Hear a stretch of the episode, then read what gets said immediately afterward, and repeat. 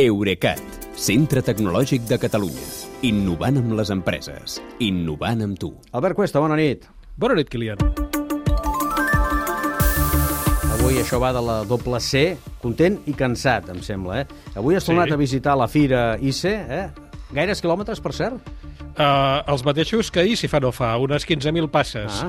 Però avui també és mèrit, perquè hi he estat menys hores. El que passa és que hi ha hagut d'anar fins a l'últim pavelló del recinte de Gran Via, que és el número 8, que està gairebé a tocar del passeig de la Zona Franca. I això exigeix una caminada suplementària, però ha valgut molt la pena. Ja t'ho explicaré després, perquè per arribar-hi he hagut de passar per un passadís que hi ha una galeria virtual d'art en streaming, molt interessant, muntada, per, a més, per una empresa de Terrassa. I com es menja això d'una galeria digital d'art en streaming?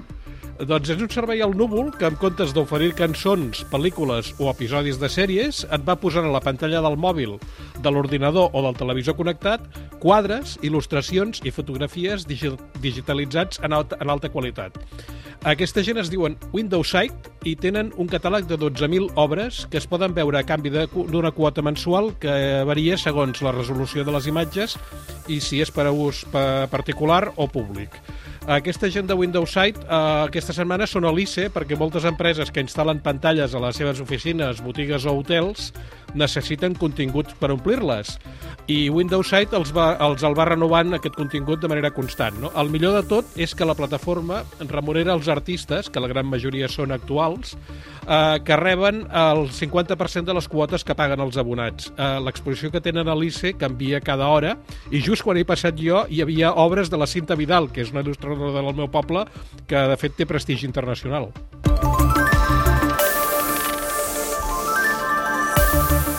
Ara sí, ara sí que toca. Què hi havia al final de la galeria d'art i que t'interessava tant veure?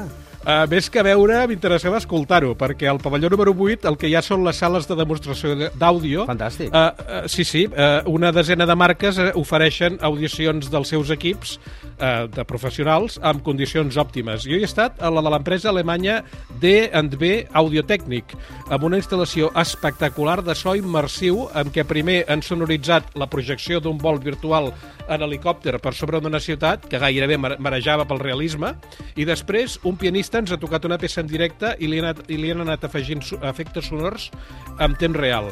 Uh, com que l'ICE encara dura fins demà, uh, us recomano que si teniu ocasió camineu fins al pavelló 8 i gaudiu d'alguna d'aquestes sessions sonores, perquè valen molt la pena. Nosaltres, que som molt de so, ens hi apuntem. Eh, dimarts parlaves de pantalles i d'experiències immersives.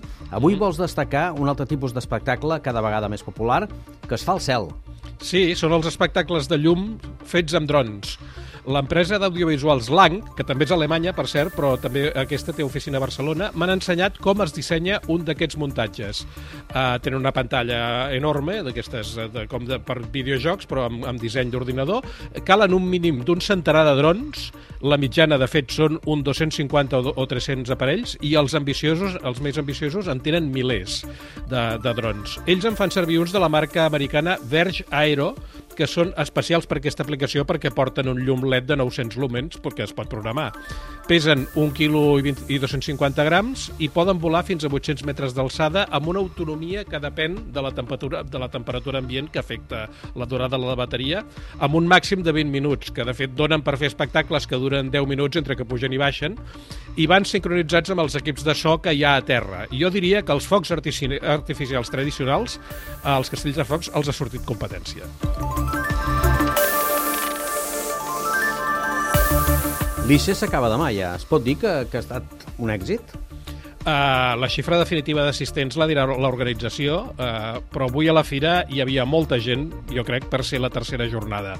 També caldrà saber si els expositors han fet negoci, però tots els que n'han volgut parlar uh, estaven molt contents. Sí que podem confirmar que el Saló té un efecte tractor d'empreses cap a Catalunya. Jo avui n'he conegut tres que han obert seu aquí precisament perquè l'ICE es va traslladar de, des d'Amsterdam a Barcelona. Jo només per això crec que hi haurà valgut la pena.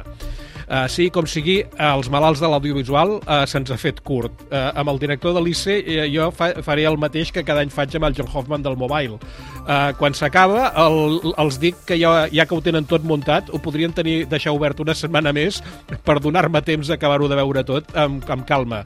El que passa és que llavors em miren com dient que aquest home està sonat, és clar. Doncs mira, sonat, sonarà demà una altra vegada al programa al Catalunya Nit. Gràcies, Albert, que vagi bé. Bona nit, Kilian. Fins demà.